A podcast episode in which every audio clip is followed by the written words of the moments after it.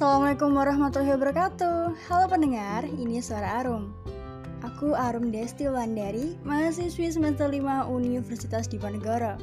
Seperti biasa, aku akan menanyakan kabar kepada teman-teman terlebih dahulu. Bagaimana nih kabar kalian di hari kesekian pada pandemi kali ini? Aku berharap sih kalian tetap sehat dan bahagia. Meski kedengarannya tidak 100% demikian. Betul bukan? Pasti ada saja hal yang mengesalkan dari hari ke hari Entah hati yang patah atau pikiran yang makin tidak karuan Dan tidak begitu jauh dari keadaan kita dalam setiap harinya pada podcast atau senior kali ini, aku akan membahas mengenai kita nih yang setiap hari overthinking tanpa doing something. Ya, karena overthinking tadi yang memenangkan pertarungan di waktu istirahat kita pada malam hari. Berat ya menjalani hari seperti ini. Terus bertahan di tengah keadaan yang entah kapan akan terselesaikan. Kita ketahui bersama bahwasanya pandemi masih ada di Indonesia dan cukup menyulitkan kita bergerak, meruntuhkan segala sisi kehidupan, dan perlahan mungkin bisa menghancurkan mental dan asa seseorang. Bagaimana tidak, kita dipaksa berjarak, berdiam, bahkan menggantungkan angan-angan kita yang sudah direncanakan sebelumnya.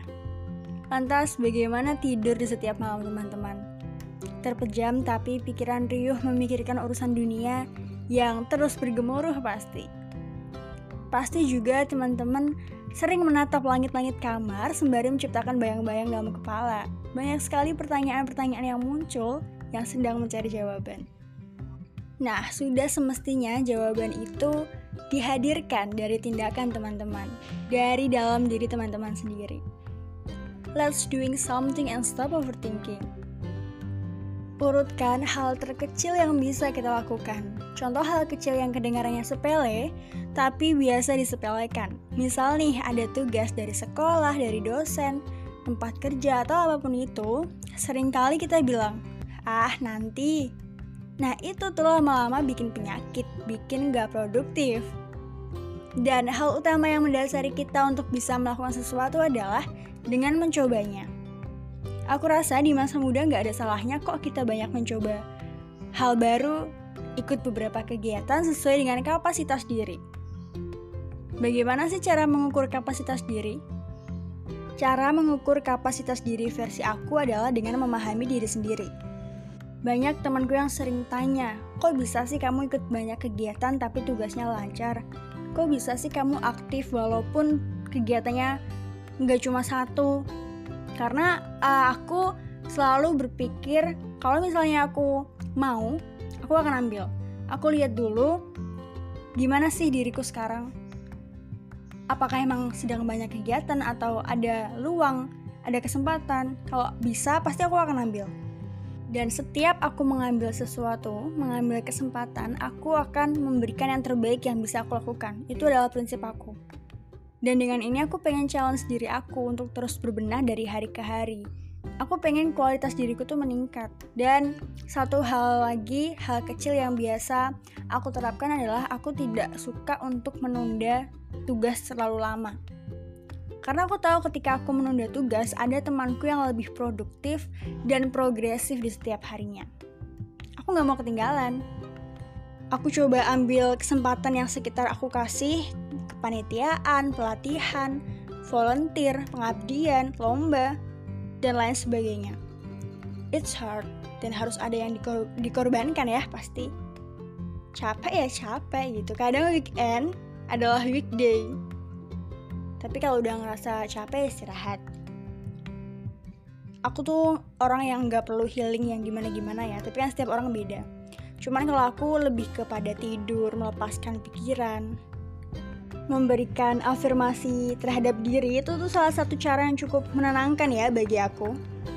Dalam hidup ini ada dua hal yang harus diperhatikan. Yang pertama itu purpose of life dan yang kedua adalah purpose of creation. Kita punya purpose of life yang tentunya itu uh, memiliki arti kita nih hadir di dunia, lahir ke dunia ya untuk beribadah kepada Tuhan, mencari berkahnya, mengejar ridhonya, dan setiap manusia punya keyakinannya masing-masing. Nah, kalau yang purpose of creation itu adalah tentang bagaimana peran kita di dunia.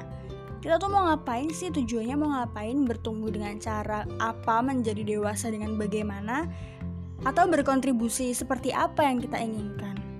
Nah, itu semua bisa didapat diseimbangkan kalau aku, kamu, dan kita semua bersedia mendengarkan diri sendiri.